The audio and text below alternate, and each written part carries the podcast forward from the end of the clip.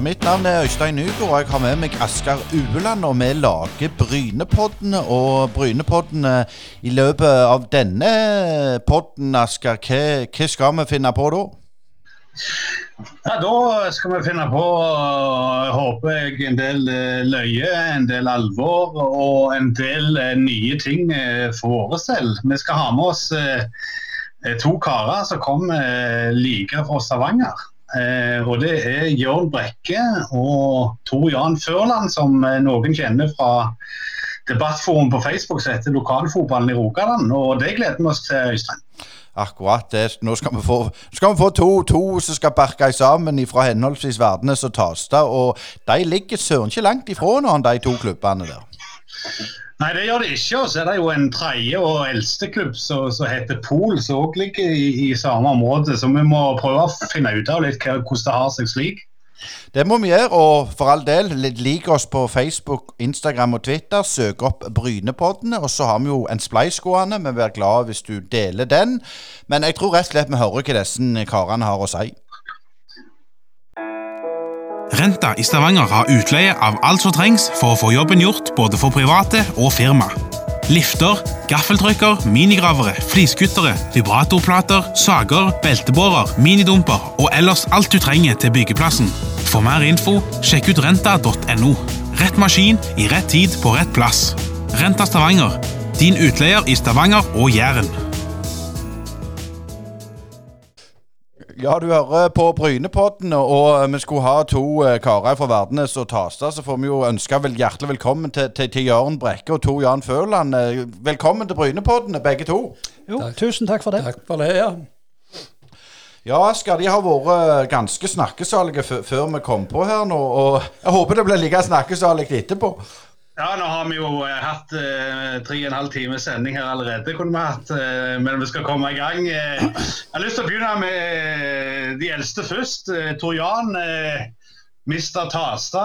jeg har lyst til å begynne med litt sånn banale ting. Altså, Tasta i dag er jo en plass som folk kjenner som et bebygd område som ligger nærme Stavanger sentrum. Men når du vokste opp, så var det vel Hetland kommune og litt mer landlig? Jeg jeg er oppvokst, eller født i Østre bydel, i nærheten av han Jacobsen med Midjord. Bodde der til jeg var ti år, og flytta da til Tasta. 160 meter ut forbi bygrensen. Måtte gå på skole to dager i uka. Har fått opplevd potetferie. Ja, og fikk da tilskudd til bussreiser til skole i Hillevåg, fordi at vi bodde fem, mer enn fem kilometer fra skolen. Så, og når jeg flytta til Tasta, så eksisterte da det gamle Tasta idrettslag. De holdt på til midten på 50-tallet før de ga opp. Jeg var med og spilte to guttekamper. Én inn på Hjelmeland og én i byen. Eller det, oppå det som var den gamle Saksamerka, eller den fornøyelsesparken. Og så var jeg ute og så A-laget spilte en kamp mot Havørn på Tananger. Sykla fram og tilbake. Og Tasta tapte 10-0. Og målmannen da ble beskyldt at han sannsynligvis ikke var helt tørr. Skal, skal ikke nevne navn. Men hva slags eh, holdt på å si, miljø var du vokst opp i Tasta? Var, var, det få hus, eller var dere en del av et nytt byggefelt? Nei, var... Der var, vi, var, der var det, vi bygde på en bondegård hvor bondegården var i ferd med å legges ned, så det var veldig lite hus. Så jeg har vært med både tatt opp poteter, høsje, hesje og hoppet i høya i mitt næreste nabolag. Og det ble ikke noe videre utbygging på Tasta før kommunesammenslutningen i 66. Ja. Og da, ja, og da, fikk, da jobbet jeg på Tau bryggeri, og da søkte jeg Kommunen inviterte tomter på Tasta for selvbyggere. Så da søkte jeg, og et halvt, et halvt år etterpå så leste jeg i avisa jeg ble tildelt til tomt på Tastaveden, som ligger rett opp forbi Tastaveden skole i dag. Tomta kosta da 12 500 kroner.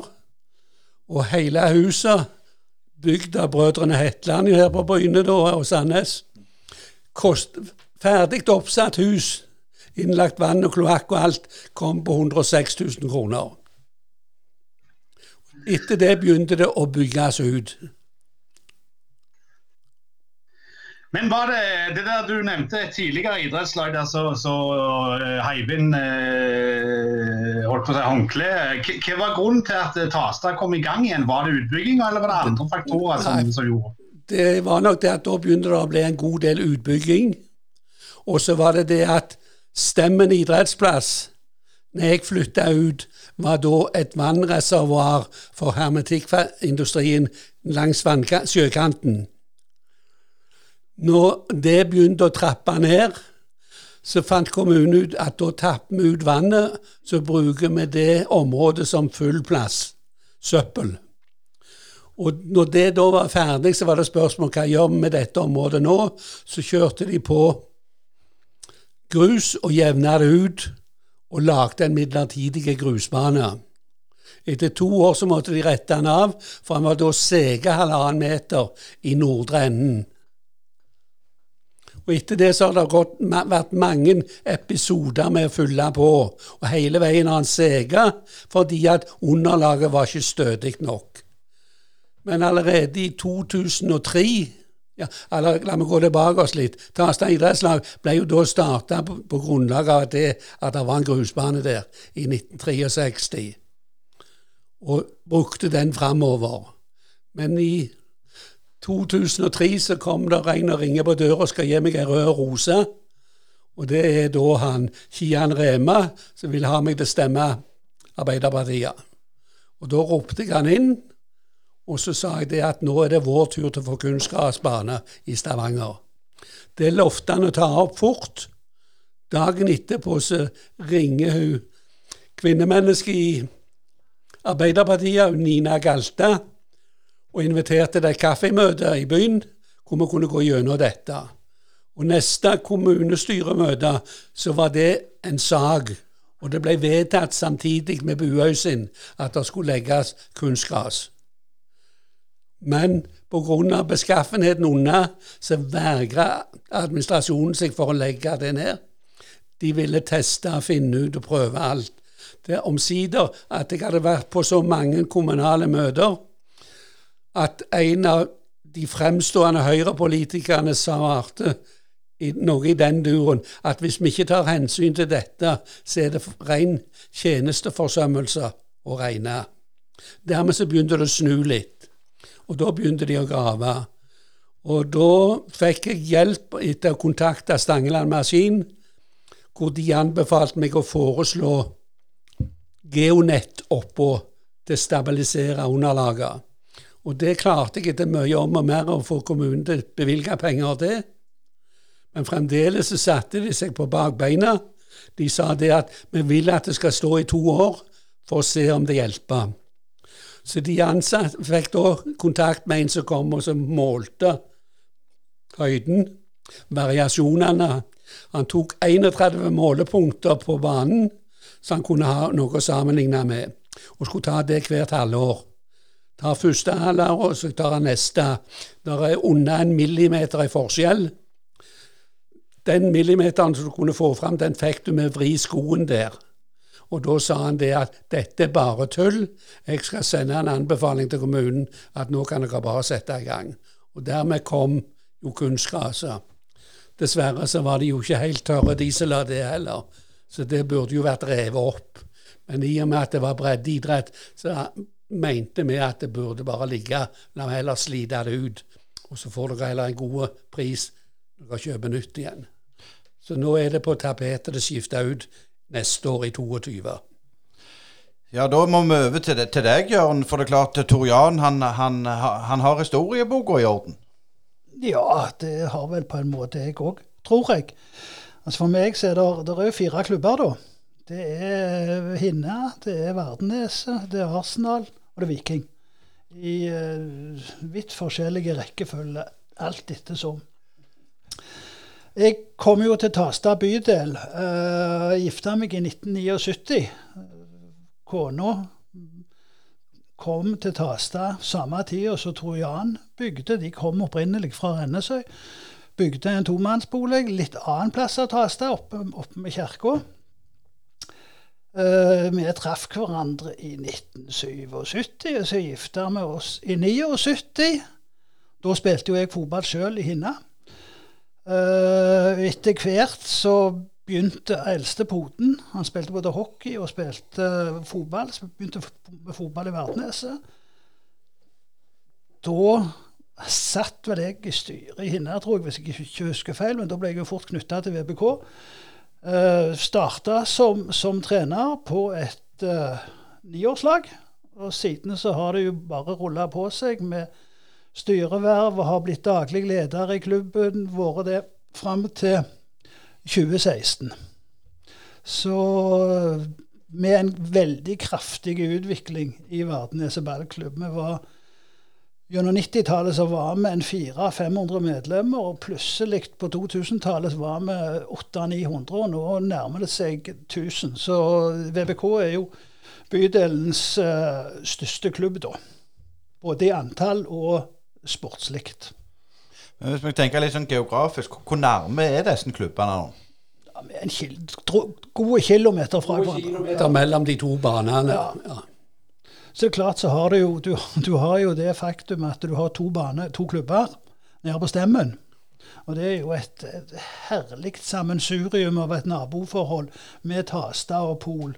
Og der sitter vi på Verdenes, og så følger vi med både, spesielt den sesongen når begge klubbene var i femtedivisjon. Det, det var en fantastisk opplevelse.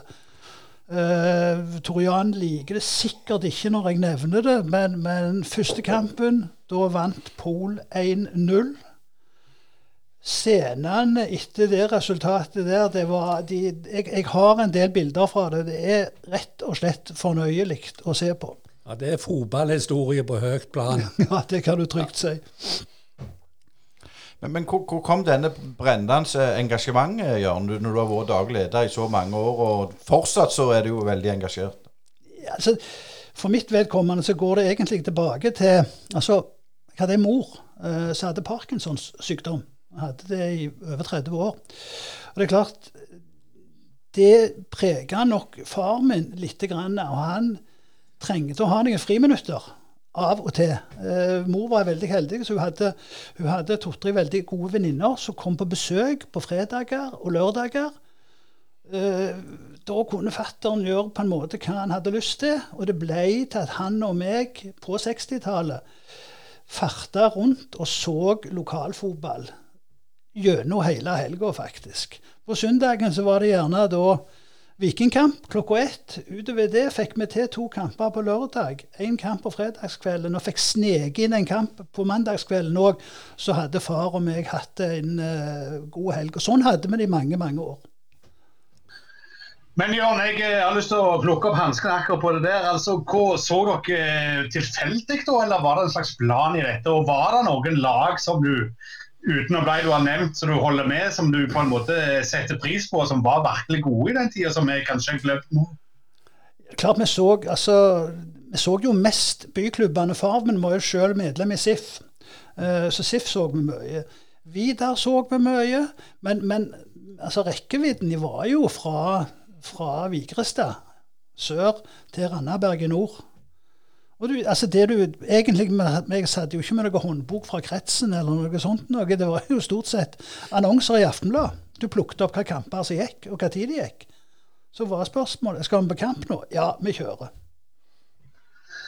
Men du Tor Jan, du har jo òg eh, sett en del kamper. Men eh, Jørn nevnte videre her. altså De to mest kjente eh, Tasa-guttene er vel eh, brødrene Fjetland. Eh, kan du si noe om dem?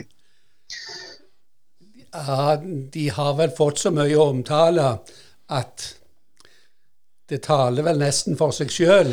De var jo et, det var jo et skal vi si, nærmest en skoleklasse som ble det laget. Hele 62 årstallet. Og alle gikk jo mer eller mindre sammen på skolen.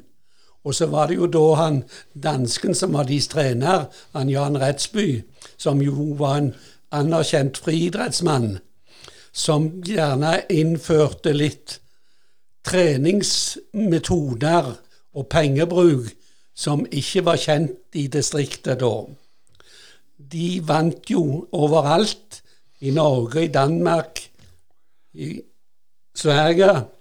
Og gikk igjen, og de fikk jo landskamper. Det var vel fire eller fem av de som fikk aldersbestemte landskamper allerede da. Eh, når de var på cup i Danmark, så tillot jo han som var treneren, å reise hjem med fly for helga og ned igjen. På klubbens regning. Så det var jo litt Det var jo en helt ny halvprofesjonell holdning fra hans side.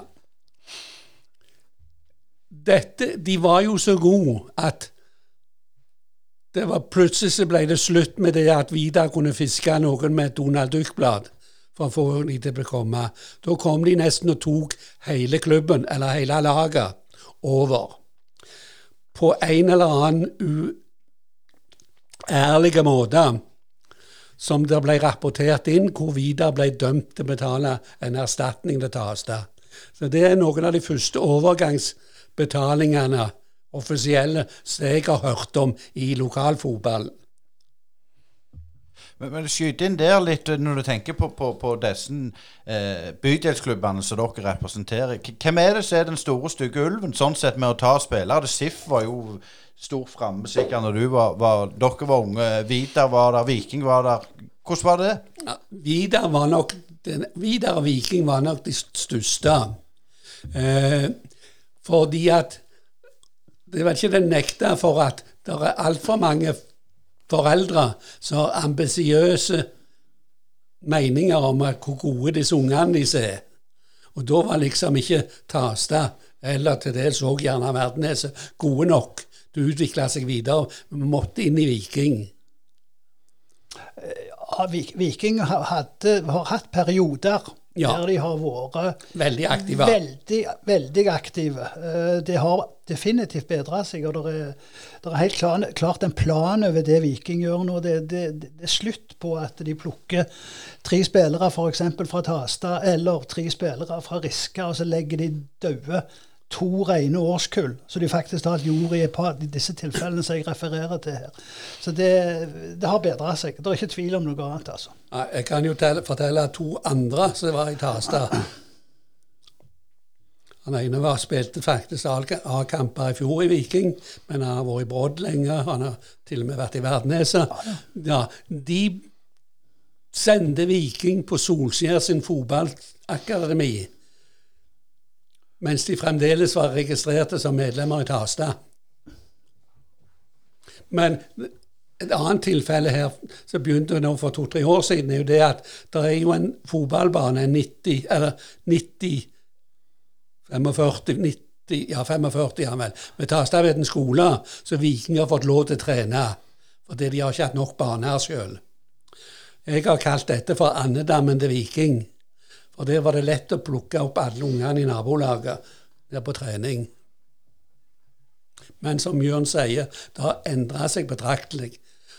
Ja, det er, der er, der, altså, der er, der er en gjennomført struktur i Viking når det gjelder dette med, med spillerutvikling. Det er ikke tvil om noe annet. Og det er en dialog mellom klubbene som er på et helt annet nivå nå enn det var for 10-15 og videre år tilbake. Helt annet. Men du nevnte, du nevnte altså dere, dere, er jo eh, tett i tett her. Men, men, kan dere fortelle litt om forskjellen på Tasta og Pol og Vardnes? Altså, hva gjorde at det ble tre klubber så tett? Altså når, det, når det gjelder Verdnes altså Verdnes eh, ble stifta i 1975 som Verdnes idrettsforening. Og Det er jo en, det er jo en ren eh, konsekvens av utbygginga i den nordre delen av Stavanger by ytterste delen. Uh, til å begynne med så delte jo faktisk talt alle tre klubbene bane nede på Stemmen. Uh, det preste seg jo da etter hvert fram at det måtte komme et idrettsanlegg på, på Verdneset. Det starta med én grusbane. 1981, hvis jeg ikke husker helt feil. Så kom det grasbane i 87. Nå har vi To kunstgressbaner skal få en tredje, eh, og som sagt er nærmere 1000 medlemmer. Vi favner nok sånn sett et større geografisk område, og det har vært en vekst i, i bebyggelsen rundt Verdneset som er mye større enn den er i den andre delen av bydelen der som Tasta og Pol hører hjemme. Så det er, det, det er en helt naturlig eh, grunn til at det har blitt sånn som det har blitt. Ja, du kan si, det, Den delen som jeg da representerer på Indre Tasta, der er jo de som bygde etter jeg bygde, de er nå blitt så gamle at deres unger òg er blitt for gamle. Nå begynner det å vokse opp en ny generasjon igjen. Men det er vanskelig å få det til, og dette året i fjor har jo ødelagt enormt mye. Mens Pol derimot har jo mer vært retta mot medlemmer som bor i det som tidligere het Kalhammeren, rundt Sjøfartsskolen og det området der. Og skal vi si den tilhørigheten gjør de vel fremdeles veldig samla de som er både ledere og til dels de som spiller. Det, det, som, det som Pol gjorde som et uh, skikkelig skup, for de har vokst de har vokst kraftig, og de har blitt større enn dere i Tasta. Nå, ja. Ja, og det, det, skjedde for ja, hva er det, ca. ti år siden. For da starta de med Først tok de kontakt med oss, en far, og spurte om vi hadde tilbud til fireåringer. Så jeg nei, sa jeg. Med, for oss så starter de den dagen de begynner på skolen, når de er seks år. Samme telefonen ble eh, ringt ned til Toriana de på Tasta, og de svarte akkurat det samme. Eneste forskjellen var vel at dere hadde oppstart på våren, mens vi hadde oppstart på, på, på høsten. Så, men så vedkommende far, han ga seg ikke, så han ringte til Pol òg, han. Og der var svaret ja, helt i orden. Kom med de! Vi starter opp. Og på det tidspunktet så hadde Pol, og det hadde, det hadde vært sånn i mange år, ja, det er et A-lag, og så hadde de i beste fall et syverlag som et B-lag. Det var alt det Pol var. Per i dag så er de godt og vel fire. De er nærmere 500 medlemmer. Ja, de begynner å bli mange etter Ja, de har gjort en kjempejobb der, Pol, altså. Det skal de ha.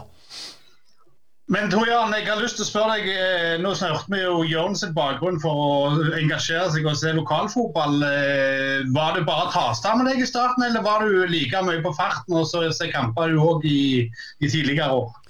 Eh, som sagt, jeg starta å spille fotball inne på gru, koksgrusen inne på Midjord fram til jeg var ti år. til Jeg flytta til Tasna. Så var jeg med ei lita stund, halvannet år, i det gamle Tasna, hvor de hadde unger.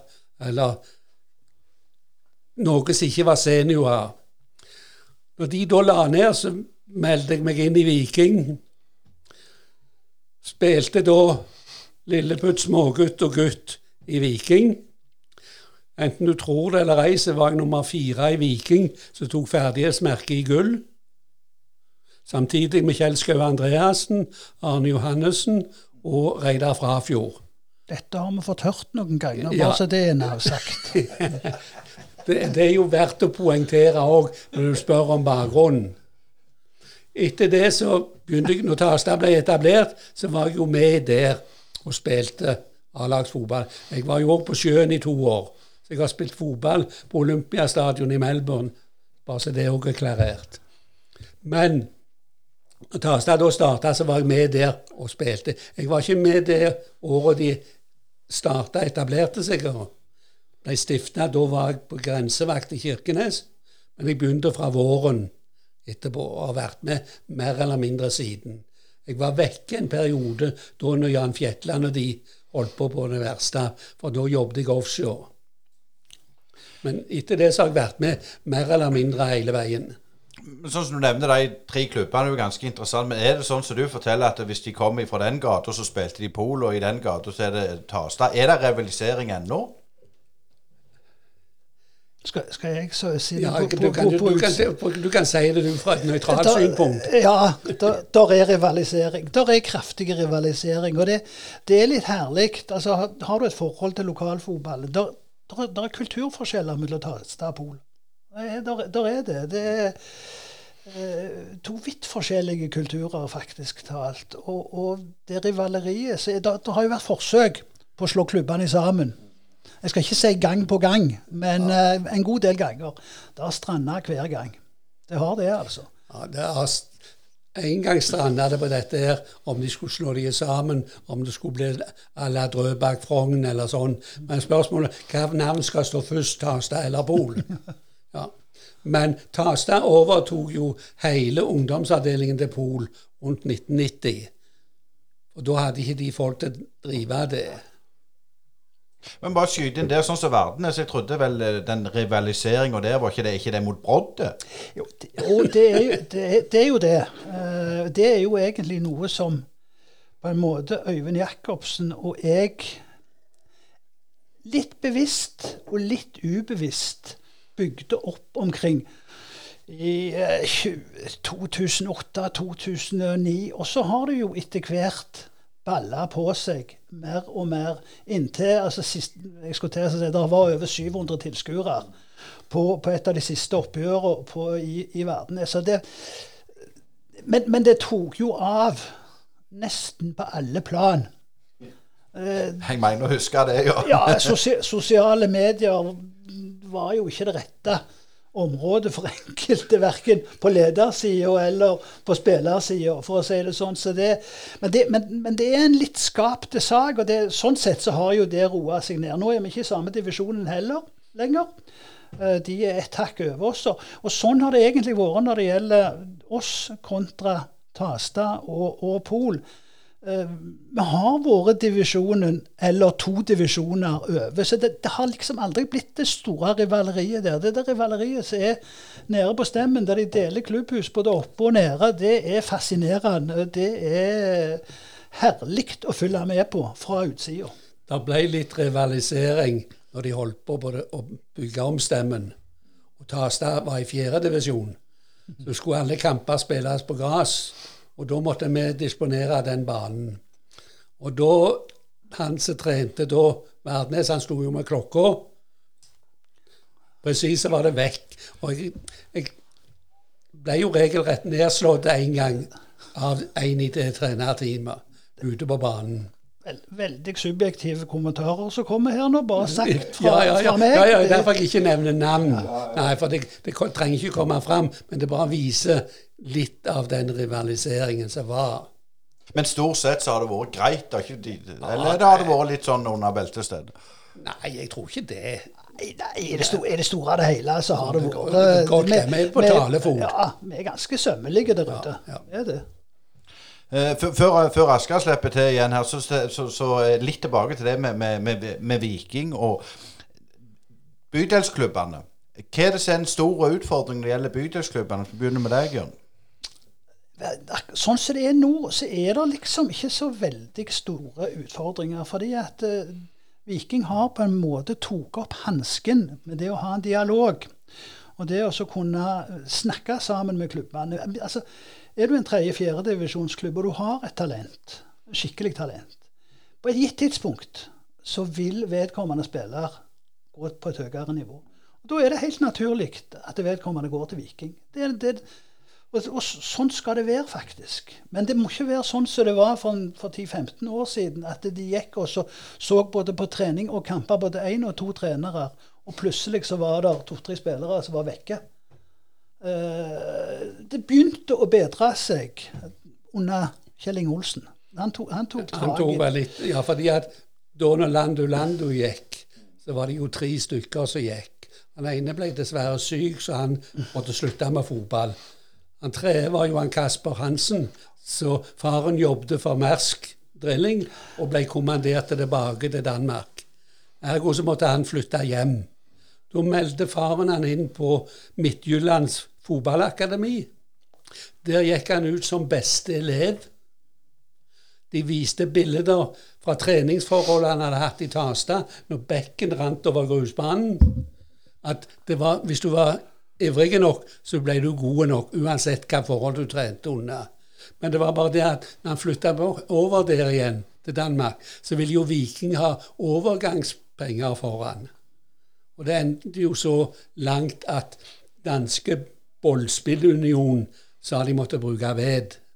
Så det var jo bare denne utdannelseskompensasjonen de fikk, som vi fikk halvdelen av. Men eh, Tor Jan og, og Jørn for så vidt. altså eh, Jeg har sett deg Tor Jan, spesielt skrive i, i veldig positive vendinger om anleggene som du har sett uh, utover Jæren. altså Vi kjenner jo Nærbø og Varhaug sine, Vigrestad har vi nevnt. Brusan henger vel litt inntil ennå. Men, men altså er det noen forskjell der på å få til ting utover, når du kommer litt utover Jæren, i, kontra innover byen? Ja. Oh, ja, da, him, Vi satt og snakket om det når vi kjørte utover meg og Jørn, hvor mye lettere det er å drive sånn som Bryna, Varhaug, Vigrestad. Brusand nevnte du jo da, men de har jo òg et flott i gåseøyne anlegg og muligheter for det. Brus, Brusan har jo faktisk talt den beste grusbanen i hele Rogaland. Nei, Ja. grasbanen i hele Rogaland. Ja da, ja da. Fantastiske grasbaner, Ja, og gode pulser har de òg. Det har de òg. Ja. Helt riktig. Så da arresterer han litt. Jeg, jeg, jeg, jeg jobbet jo litt i sammen med Ragnar Sandvese, var leder der en stund. Og sønnen min er da oppe i Lensvik oppe i Sør-Trøndelag, i Agdenes. Nå heter det Åkland kommune. Hver gang de skal arrangere noe, så stiller hele bygda bak de. Det har vi problemer med i en bydelsklubb. Bare dette med å innhente og slåss om de samme reklameskiltene er et problem. Ta en liten sånn rask opptelling på Varhaug og Vigrestad, så kan du telle bortimot nærmere 300 reklameskilt inne i hallen. Ja. Nei, det er, det er riktig som Tor Johan sier. Det er en, det er en utfordring for, for byklubbene eh, på den økonomiske sida. Og, og ikke bare der, men, men det å få litt grann av folk med òg. Altså, Dugnad er et fremmedord. Ja, mange, ja, ja. Det er ikke, det, det, jeg skulle til å si, Vi arrangerte jo eh, VBK Cup, som egentlig var et ganske stort arrangement. Eh, tidlig på 2010-tallet, i fire-fem sesonger. Og det var Vi hadde jo eh, internasjonale gjester og det hele. og Det var et kjempebra arrangement. Vi hadde godt med folk med på dugnadene de to-tre to-tre første åra, og så begynte det å eh, dra seg til det fjerde og femte året. Og da, fant vi ut at altså Vi tjente jo penger på det hele tida. Det, det, det var en velrenommert cup. Det var et godt arrangement. Men vi, vi holdt på å drepe dugnadslysten hos de aller viktigste eh, medhjelperne våre. Rett og slett, det ble for mye. Det var for lite totalt sett som var med. Det ble for mye arbeid på enkeltpersoner. Så derfor vi måtte vi ta oss og kutte den turneringen. Beklageligvis. Bare, bare poengtere dette her med dugnad og bydelsklubb som, og anlegg som er eid av Stavanger kommune. Jeg skaffet midler til et stadionur for fire-fem år siden. Så var det spørsmål om hvor vi skulle plassere det henne. Etter mye om og men så fikk vi lov til å plassere det en brukbar plass på stemmen. Men så var det dette, vi måtte jo grave et hull på en meter for å sette fundamentet ned. Og alle de direktivene jeg fikk oversendt fra Stavanger kommune, hvordan jeg måtte sikre det hullet, som var under en meter dypt og en meter i firkant. Det skulle gjerder rundt, det skulle merkebånd hvis vi forlot det over natta. Og hvis jeg overhodet tillot meg å bruke en gravemaskin, så ville jeg få et nytt direktiv av hva jeg måtte forholde meg til for å få det gjort. Og Det dreper litt av dugnadslysta. Heldig, heldigvis var Verdnes i tredjedivisjon på den tida, og vi fikk, Ja. fikk disse uh, matchura av kommunen. ja, Det gjorde det litt Men- enklere. ja. Men, men altså, selv om dere bor i et relativt sånn oljetungt eh, område altså Dusavik-basen var jo det er der ute, eller, og, og, og det var jo flere oljeselskap som hadde kontor der. altså Det har ikke droppet noe ekstra på dere pga. det? altså. Nei, det må, må jeg uh, si at eh, et tungt, til, til tider i hvert fall, tungt marked. uh, de selskapene de bruker pengene veldig vidt. Uh, kultur, fin kultur, kall det hva du vil. Eh, like mye som eh, de lokale idrettslagene. Det, det har vært en utfordring. Men for all del, vi har gode støttespillere, støttespillere som har vært med oss i mange mange, mange år, som vi setter kjempestore pris på. Det må vi få lov å si. Ja, jeg kan jo da si det at jeg jobbet jo i oljeserviceselskap, og så hadde vi en til som jobbet i et annet. Vi klarte å få litt rundt omkring forskjellige ting. Vi fikk støtte fra firmaer i Aberdeen, nede i Greit Yarmouth, Holland. Så litt har vi klart å dra ut av dem, men de store pengene er det ikke mulighet å få. Nei, det er sånne små beløp. Men, men, altså, dere bor jo i et område som har vokst eh, ja, Hele, hele fylket har jo mest vokst, iallfall i Stavangerhalvøya og sørover til Bryne. Men eh, det har jo vært en vidunderlig vekst av befolkning. og Hvordan har idrettslaget deres fungert som en sånn integreringsplattform for tilflyttere på andre kanter av landet som har jobba i oljeindustrien eller andre ting? Den har vært Hvis vi skal si noe, så kan vi skryte av oss sjøl for det at vi har, vi har tatt vare på både barn, unge og godt voksne i bydelen. Det faktum at er, altså Tasta bydel består i dag av ca. 15 000 innbyggere, hvis jeg ikke tar helt feil. Uh, nesten 2000 av de er medlemmer i en av disse tre klubbene her. Og Det er ganske stor andel, altså. Ja.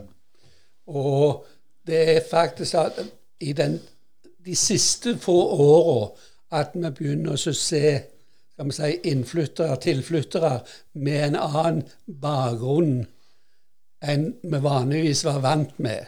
Nå ser du de jo fra alle verdens deler.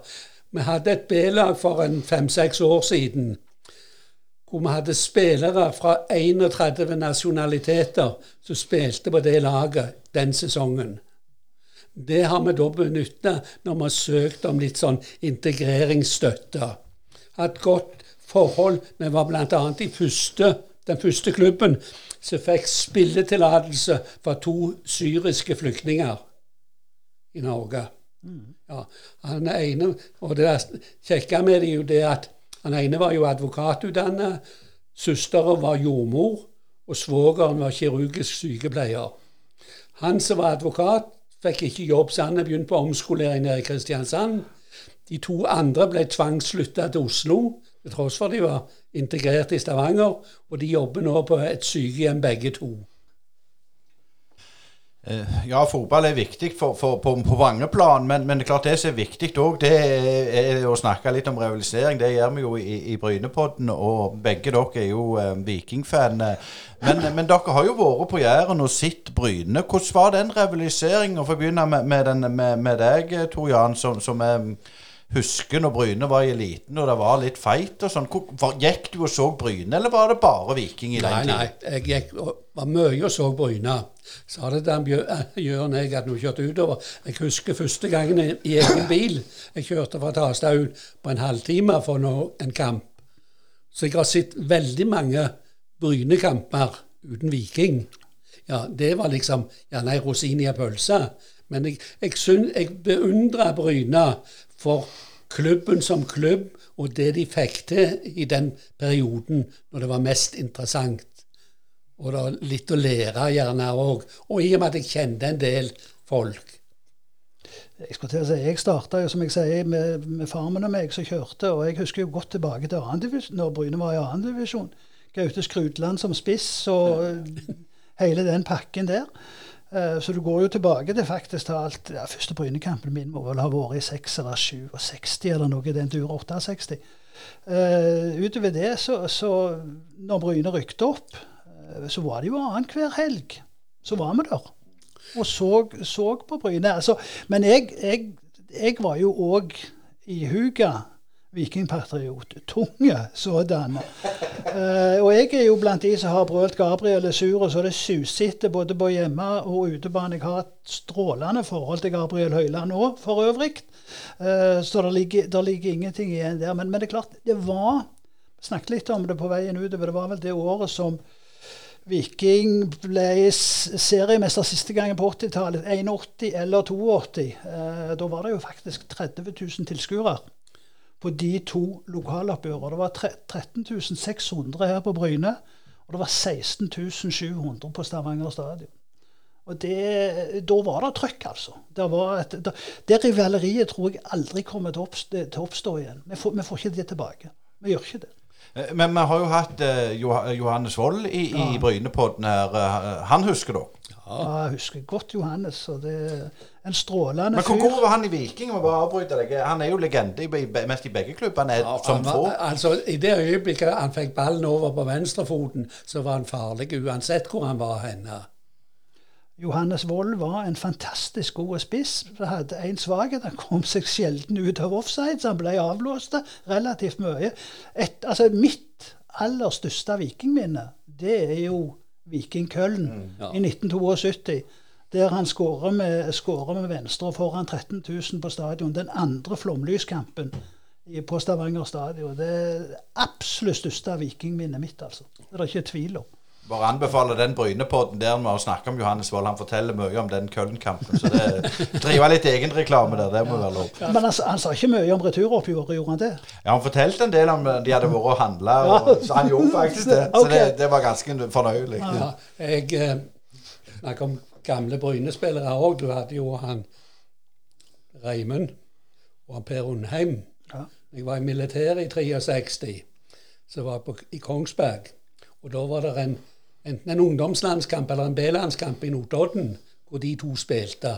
Da jeg reiste fra Kongsberg og bort der. Og i den tida hadde vi bare 500 dagen i lønn i militæret. Så du kan jo tenke deg hva det kosta. Ja. Ja. Så jeg har sett veldig mange Bryne-kamper. Ikke de senere åra, men jeg var på det mest ivrige. Følger dere med nå, eller, ja, eller, eller Sandnes Ulf? Hvordan er Sandnes Ulf for dere oppi dette? Nei, det, det, det, det, er ikke Det er ikke noe forskjell i mine øyne. Jeg, ja. jeg var også så Sandnes Ulf når de spilte lille, mot Lillestrøm, òg mens jeg var i militæret. Det var en kvartfinalekamp eller, eh, på Åråsen. Så jeg har jo litt kjennskap til det òg. For, for, meg så, så, er ikke altså forholdet Viking Sandnes Ulf kontra Viking Bryne sånn som Viking Bryne var, så er det ikke sammenligning i det hele tatt. Altså Beklager Sandnes Ulf. De har et fint stadionanlegg, det skal de ha. De har finansiert det godt. Men de har ikke fått i nærheten av potensialet ut av det de, de har mulighet til. Det mener jeg. Sandnes Ulf har jeg aldri sett på som noe Ja, jeg, jeg var ofte på Sandnes Ulf og så òg, jeg. Jo da, jeg har, jeg også, jeg også har sett kamper, for all del. Og, Jeg har ikke noe med det. Men det de har, har, ikke blitt det der vanvittig tette forholdet som, som rivaler, som det var for Vik, Viking og Bryne i de ti åra, ti-tolv åra Bryne virkelig var på topp. Altså Du snakker fra 75 til cupfinalen. Etter det så har det stort sett gått nedover her ute. Men det har jo gått litt i, i bølgedal i, i byen òg, ikke minst økonomisk. altså Hvordan har dere forholdt dere til den utviklingen? Vi ler av og til av det. Og så rister vi litt på hodet. Altså, du har, du, du har, jo saken med Bjarne Berntsen. Nå skal, skal, vi jo passe oss for å ikke si for mye, men det er jo helt latterlig hvordan de har greid å rote til den, den, avgangen til Bjarne. Det kunne blitt gjort på en så utrolig mye mer smidig måte hvis, på, hvis, han skulle forsvinne, for å si det sånn. Jeg mener jo han skulle ha fortsatt, men det, det har blitt som det har blitt. Uh, nå har jo altså Både Viking og Bryne har, har, jo hatt sine oppturer økonomisk. Det gjelder begge klubbene. Jeg har jo lest den, den eh, historieboka eh, til Bryne, som for øvrig det er en av de beste klubbøkene jeg har lest. Den er steinbra. Og det er fantastisk egentlig å se hvor mye penger som har sust ut. Men jeg har gått på med krum hals og gitt gass igjen. Klart, sånn som for Viking sin del, den, den sesongen når når uh, Benny og Peppe og Kjell, uh, Kjellen kom De hadde jo knapt nok nåla veggen. Hadde de ikke greid å få inn den straffen i Haugesund, så hadde det vært kroken på døra, altså. Det er jeg hellig overbevist om. Men dere er jo eh, først og fremst eh, veldig glad i lokalfotballen begge to. Og vi har jo gått gjennom eh, det første året med fotballstopp omtrent siden krigens dager, når det var idrettsboikott. Eh, hvordan har det året arta seg for dere to? Det har vært noe skikkelig drit, for å være helt ærlig. Eh, svarer jeg for min egen del, for Tor Jan svarer etterpå. Altså, jeg, jeg, jeg, savna den arenaen. Den, altså det, det å være rundt og se kamper, enten jeg er på Brusand, er på Jørpeland eller på Randaberg eller på Verdenes. Treffe de kjente folka. Ha kommentar, høre de gode kommentarene. Så det, det, er rett og slett en del av det sosiale livet. Det, det er klart, det har vi gått glipp av. altså. Det merker Og så er det jo òg, når det gjelder sånn som dette med A-lagsfotball, breddefotballen, at ikke de ungdommene, for det er ungdommer egentlig, eh, få lov å spille, trene og spille fotball. Det er ikke bra, altså. Det vi, til, vi har mista spillere, og vi kommer til å miste mer så lenge dette fortsetter. Det gjør det. Ja, jeg tror jeg kan si meg enig i det. Jeg ser liksom ikke logikken i det, nei. å stenge det ned. Nei, ikke nei. Men hvordan, hvordan, har det slått ut for Tarstad med, med, tanke på spillere sånn det siste året? Er det mange som har sett kona på hylla? Nei, faktisk sant ikke. Så har de de er jo nede og samler seg sånn med jevne mellomrom. Så det, er ingen som direkte har meldt seg ut ennå. Men de har De prøver jo å trene litt og innen de tillater måtene de får lov til. Og det er nok spillere fremdeles til å kunne stille lag hvis de åpner igjen. Men er, jeg forstår det er mange i ungdomsavdelingen som har trukket seg helt ut. Akkurat. Jeg ser på, på, på A-laget vårt, så tror jeg at de er rimelig godt gående, de fleste ja. som spilte fotball i 2019. Men vi var innom eh, holdt jeg på å si, den første gangen der Bryne-supporterne ble virkelig kjent med navnet Verdnes. Det var jo når Rikard Enge og Bryne, apropos nåla i veggen, Bryne hadde jo ikke nåla i veggen og måtte på en måte høsta inn det som var av lokale spillere. Altså dukka det opp en Verdnesekar som heter eh, Rikard Enge. Kan du si noe om han, Jon? Cliff Rikard Enge kan jeg si usannsynlig mye om. Det kan jeg. Og det, han ble jo utrolig populær her ute på Bryne den korte perioden han var. Blant annet altså den berømmelige feiringa hans i Kristiansand når han skårte to mål der nede. Den snakkes det mye om her ute på Jæren fremdeles blant de som var på tribunen. Det kan jeg garantere. Uh, Rikard er Nå har han avslutta seks år som A-lagstrener. Det gjorde han i utgangspunktet i høst som var. Han er jo en type eh, som favner alle. Han ser alle. Eh, han er til sine tider en skrue òg, men en skrue med bare positive fortegn. I tillegg så er han jo en av Norges mestskårende spisser. Han har eh, på A-lagsnivå skåret over 500 mål. Hva han da har i tillegg med B-kamper på da fjerde- og femtedivisjonsnivå. Det, er 700-800 mål. Det er helt sykt, det han har skåret. Men er han den type som, som litt som Jan Fjetland, at hadde han gidda, så hadde han kommet mye ja. lenger enn det han kom? Ja, ja, det er ikke tvil. Han, Rikkien er en bohem i ytterste konsekvens. Uh, han likte ikke Viking, så derfor gadd han ikke gå til Viking. Der kunne han ha gått, og der kunne han ha hatt suksess. Det er jeg ikke i tvil om. Én ting er perioden han var her ute. Det andre Du hadde det halve året der han var i Hødd. Han er jo like stor helt der oppe som han er både på Verdnes og Bryne. Han har satt spor etter seg overalt med det lange, flagrende håret.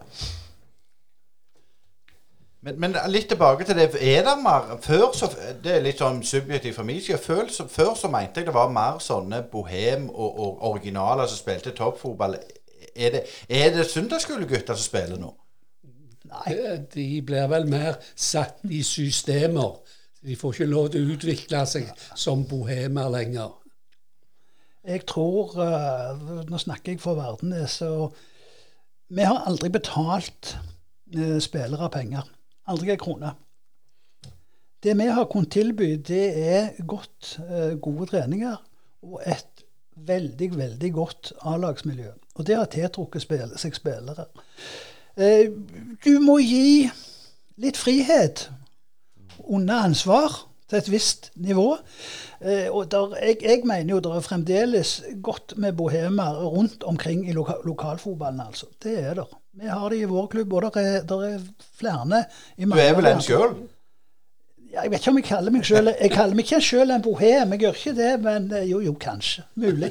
Nei, litt, litt, tilbake til, til, til, til dagens, um, dagens gjøren og laden. Sånn så, Tor Jan, har du noen formell rolle i Tasta nå, eller er du bare sjuende far i huset? Nå er jeg sjuende far. Jeg hjelper de litt med økonomien, og hjelper de nye i styret, sånn at de får litt kan vi si, tråd i det som har vært tidligere. Så de ikke starter helt på bar bakke. Men jeg blander meg ikke opp i noe. Sikker på det? Ja, det skulle jeg til å si. ja, jeg prøver, jeg prøver iallfall så godt jeg kan å holde meg vekke, fordi at de skal få arbeide av egen hånd. Jeg ser ikke meg sjøl som å gå der nede og så påpeke ting lenger. Men, men, jeg ser jo at du har et brennende ønske Nei, ønske seg et brennende engasjement. Men, men, er du pensjonist nå, eller jobber du, eller? Jeg, nærmer, jeg er nærmere 100 enn jeg er nærmere 50. Jeg er jo 78 år. Skal jo feire diamantbryllup til høsten, så så da er det bare, bare fotball å ta avstand med deg. Men for deg da, Jørn. Hva, er din rolle i, i verden? Altså nå? Nei, nå er jeg ren supporter. Eh, jeg ble uføretrygda i 2016. Jeg har en levertransplantasjon bak meg som, som sørgte for det etter hvert. Uh, så nå er min rolle det å Ja, jeg bidrar hvis de spør om et eller annet. Så gjør jeg det på frivillig basis. Og så følger jeg med når det er kamper. Så det ikke har vært på et, nærmere et år. Uh, så utover det, så, som, som sagt, så, så, følger jeg med litt på hinna. Og så tar jeg ja. Så håper jeg snart at fotballen er i gang igjen. Så vi kan komme oss ut litt. Ja. ja lufta hodet en torsdagskveld. Ja, Asgeir, du, du, forstår her. Der er, der er mye vett her i dag. ja, det er, der er voldelig eh, god, mye god lokalkunnskap. Men jeg har lyst til å spørre dere litt eh, Vi går ut ifra at det blir sesong iallfall en eller annen gang i løpet av året. Men Verdnes og, og Tasta i år, hvem er rivalene, og, og hva ser dere sannsynligheten for å komme opp et hakk? Det er klart For, for Verdenes sin del så er det en målsetting å, å rykke opp. Nå er det, nå det nåløya ganske lite. Det er kun det ene laget fra den ene pulja som går opp i tredjedivisjon. Uh, men jeg tror vi har spillerstall gode nok til å kunne feite om det, det opprykket. Og jeg føler jo selv, selv om tredjedivisjon har blitt et rimelig høyt nivå etter hvert som, som fotball NFF har sne, snevra det inn, så føler vi jo på Verdenes at det er jo i tredjedivisjon vi hører til. Enkelt og greit. Det er det. Så det, det er et mål. Opprykk. Ja, Det samme gjelder vel Tastad òg. De har vel også blitt nummer to de fire siste åra. Så to ganger har de vel tapt på mål og ikke klart det. Så ambisjonen er jo å rykke opp. Men det som Jørn sier, det begynner jo å hane til i og med at de endrer med fulle oppsetter og det. Uh, vi må runde av etter en, god prat. her, Men jeg, liksom, jeg har lyst til å spørre om dere kan komme med en oppfordring. Dere har jo vært med i lokalfotballen i en mannsalder, og dere er veldig engasjerte ennå. Det er klart det gjør dere mye. Og, og, hva er det folk går glipp av som ikke engasjerer seg, som ikke bryr seg? Først og fremst for mitt vedkommende så er det jo det sosiale. Er, altså det å ta turen ut på Frøyland eller til Brusan Pulsen er jo nevnt der, for å si det sånn. Men altså, altså der, er, der, er, der er, et sosialt miljø. Du har, en, du har en vennekrets som du aldri ville hatt hvis du ikke var med i lokalfotballen. Og det gjelder det uansett hva alder du er i. Om du er 20 og spiller, eller du er nærmere 65 som meg, eller 78 som Tor Jan, så har du et miljø der. Og det gir utrolig mye. Det, det er det viktigste for meg. Utvilsomt. Og det løye med dette med fotballmiljøet Du kan jo nesten dukke opp hvor du vil i landet hvis du sier du kommer eller har befatning med den og den klubben. Når jeg var i Kirkenes da i høsten 63, så var det problematisk å få permisjon der til å komme inn til byen. Og du måtte inn igjen i leiren. Men jeg traff på en mann der som heter Arne Skistad. Som kom på snakk om fotball, for han var med i Kirkenes idrettsforening. Og det var broren òg. Og når de hørte det at jeg hadde vært i Viking, og at jeg kjente Olaf Nilsen, og var fra Tasta, som Sverre Andersen kom fra Jeg ble jo invitert hjem til disse folka og fikk kaker og kaffe. De behandla meg jo som en gud oppe i Kirkenes. Er det, no, er det noe som heter Tor Jan Førlands gate der oppe, eller noe sånt? Noe? Ja, enten du tror det eller ei. Jeg var der som sagt i 63. Jeg ble pensjonist i, i 2006. Den sommeren så kjørte jeg med kona opp til Kirkenes for å vise henne hvor jeg hadde vært i militæret. Og det som sjokkerte meg da, var det at nede i sentrum, hver gate var bedre merka enn denne gata her. For der hadde de både skilt på norsk og russisk nå. Sånn at du, Vi fant jo et rimelig hotell der, og fikk jo beskjed etterpå. Det var arbeidssted for de russiske damene som kom på weekendhelger. Men du har jo vært gammel sjømann, så du, du klarte vel det òg. Men jeg tror mest vi må, må, må slutte her jeg nå, uh, Asgeir. Og tusen, tusen takk for at dere stilte opp, Tor Jan Førland Tasta og Jørn Brekke Vardenes. Tusen, tusen takk. Men vi vil gjerne komme med en oppfordring til slutt. At den industrien på Tasta, det er tross alt litt at de støtter opp om de forskjellige klubbene. For de trenger penger der òg. Fordi at nå er det små folk som har penger til å betale medlemskontingenter og treningsavgift, og gjerne noe skotøy. Så vi i Tasta har jo oppretta et fond hvor vi skal hjelpe de som lite har. Men allikevel så trenger vi penger, for det er dyrt å drive et idrettslag i dag. Det var en fornøyelse å få lov å bli uh, invitert ut og prate litt. Vi kunne sittet lenger. Renta i Stavanger har utleie av alt som trengs for å få jobben gjort både for private og firma. Lifter, gaffeltrykker, minigravere, fliskuttere, vibratorplater, sager, beltebårer, minidumper og ellers alt du trenger til byggeplassen. For mer info, sjekk ut renta.no. Rett maskin i rett tid på rett plass. Renta Stavanger, din utleier i Stavanger og Jæren. Ja, det er fortsatt Brynepodden du hører på. En eh, podd om eh, internasjonal, nasjonal og lokal idrettsprestasjoner og idrettsmiljø. Og i dag så var det jo Jørn Brekke og Tor Jan Førland som var våre gjester, Asgeir. Og, og, det er vel lokalfotball på høyt nivå?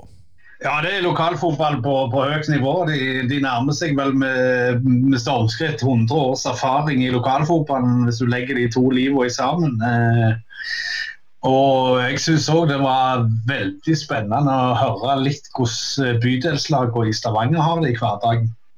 Ja, det var det. Det var interessant. Og, og disse tre klubbene ligger jo ja, mest sagt 500 meter ifra hverandre. Men rivalisering, det er der åkke som. Så det er ikke bare rivalisering mellom land og, og bygd mot by, men òg innad i, i bydelene. Og det var jo litt kjekt å høre litt om. Ja, og til og med på det samme klubbhuset med Pol og Tasta. Som de, som de holder fortet der, eh, deler bane og, og, ikke blir helt enige. Men eh, så var det jo interessant å høre om, om utfordringene med kommunen og, og de tingene som de har slitt med opp gjennom der inne òg. For eh, det virker ikke som det er like mye vi gir gass, og så får de lov til å gi gass der inne. Nei, og det er vel det vi har uh, hørt litt utover både Jæren og, og, og, alt. Så må vi gjerne ta en, en, en liten research på, på, å snakke med noen kommunalt ansatte uh, og lage en pod om det. Skal jeg ikke tenke om det? Ja, Det er ingen uh, dum idé å, å få deg i tale og høre litt om forskjeller f.eks. For mellom Hå og Stavanger f.eks. Eh, den andre tingen er jo det som alle håper, og som virkelig Tor Jan og, Jørn eh, har gått og lengta på lenge, det er jo det at vi får lokalfotballen i gang igjen etter så langt opphold. Og Når en ikke til og med kan trene skikkelig, så, så forstår jeg at det sliter på en del klubber. Ja, absolutt. Men uh, uansett, det var fantastisk kjekt å høre på det som de hadde opplevd i, i lokalfotballen, og det er rett mye som skal skje i framtida igjen, Asker. Og jeg tror, jeg er helt sikker på at lokalfotballen kommer til å rulle om ikke vi vet helt når. Og ja, vi får vel bare si tusen takk for at du hørte på, på Brynepodden.